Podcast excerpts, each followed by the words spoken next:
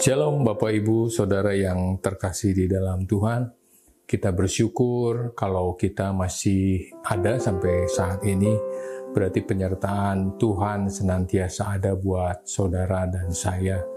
Biarlah uh, senantiasa keluar ucapan syukur dan terima kasih dengan apa pun yang kita hadapi. Kita jalani uh, kasih Tuhan senantiasa buat setiap kita semua. Kalau kita perhatikan uh, ada miliarder yang bunuh diri, ada artis, padahal kekayaannya, ketenarannya, ada juga presiden yang mati bunuh diri. Berarti kalau kita perhatikan, kebahagiaan itu bukan karena kaya, kebahagiaan itu bukan karena kita terkenal, kebahagiaan itu bukan eh, seseorang memiliki kekuasaan. Buktinya mereka mengakhiri hidupnya dengan tidak bahagia, mereka mengakhiri hidup sebelum waktunya. Jadi harta, ketenaran, dan kekuasaan bukan menjadi uh, sesuatu kebahagiaan di dalam kehidupan. Di Mazmur 32 ayat 1, Mazmur Daud dikatakan, dari Daud nyanyian pengajaran. Berbahagialah orang yang diampuni pelanggarannya, yang dosanya ditutupi. Maut Daud mengajarkan berbahagialah orang yang diampuni pelanggarannya dan dosanya ditutupi. Itu kebahagiaan yang sesungguhnya yang pertama. Lalu berbahagialah manusia yang kesalahannya tidak diperhitungkan dan yang tidak berjiwa penipu. Selama aku berdiam diri, tulang-tulangku menjadi lesu karena aku mengeluh sepanjang hari. Sebab siang dan malam tanganmu menekan aku dengan berat. Sumsumku menjadi kering seperti oleh terik musim panas. Sela.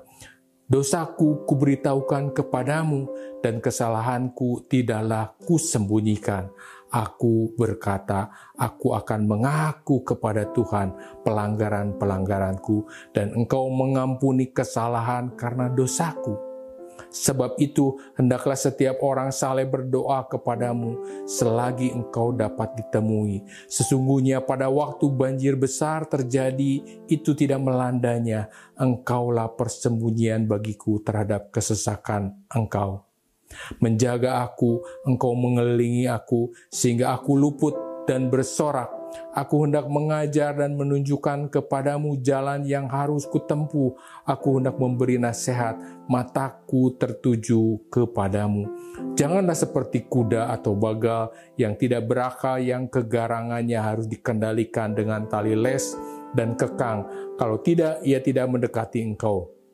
Banyak kesakitan diderita orang fasik, tetapi orang percaya kepada Tuhan dikelilinginya dengan kasih setia.